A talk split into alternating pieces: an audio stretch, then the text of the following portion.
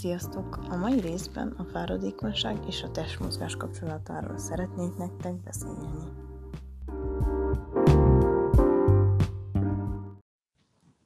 A daganatos betegségekben szenvedők fáradtsága jellemző módon eltér a szokványos, azaz a mindennapi fáradtságtól, ami csupán egy átmeneti és egy kis pihenés után megszűnik. Ebben az esetben a fáradtság legfőképp a sugárterápiás és kemoterápiás kezelések után jelentkezik, mely nem csak fizikai fáradtságot jelent, hanem pszichés, érzelmi fáradtságot is, mely az élet minden területére kiterjedő energiahiányt okoz, és nem szűnik meg pihenés után. A betegek 30%-a évekkel a kezelés befejezte után is uh, számol be ilyen fáradtságú uh, tünetről.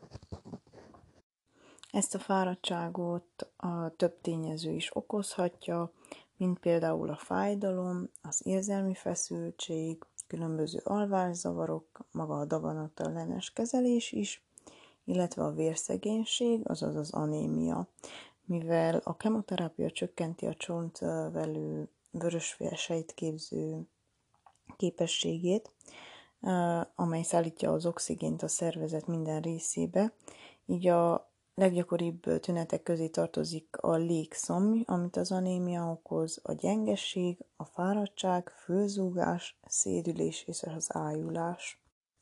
A másik fontos tényező a trombocitopénia, mely a kezelés miatt ö, csökkenti a vérben a vérlemezkék számát, így ezáltal a vér felhígul, és ez nagy százalékban hozzájárul az elgyengüléshez, ezért jellemző például a sápadt arc a betegekre.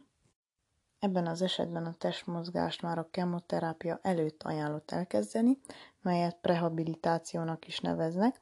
Fejlettebb országban kifejezetten a kemoterápiát előkészítő mozgástevékenységeket írnak elő, melyek már előre segítik a sejtek regenerálódását.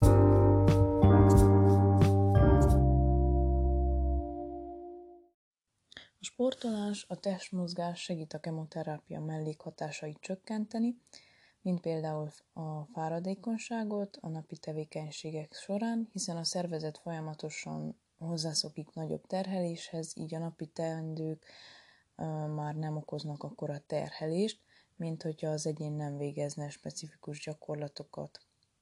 A Magyar Rákellenes Liga szakértőinek tudományos betegtájékoztató lapja szerint a fáradékonyság nem gyógyszeres terápiai közé tartozik a pszichoterápia, a relaxáció, illetve az aktivitást elősegítő programok megtervezése, a mozgásterápia.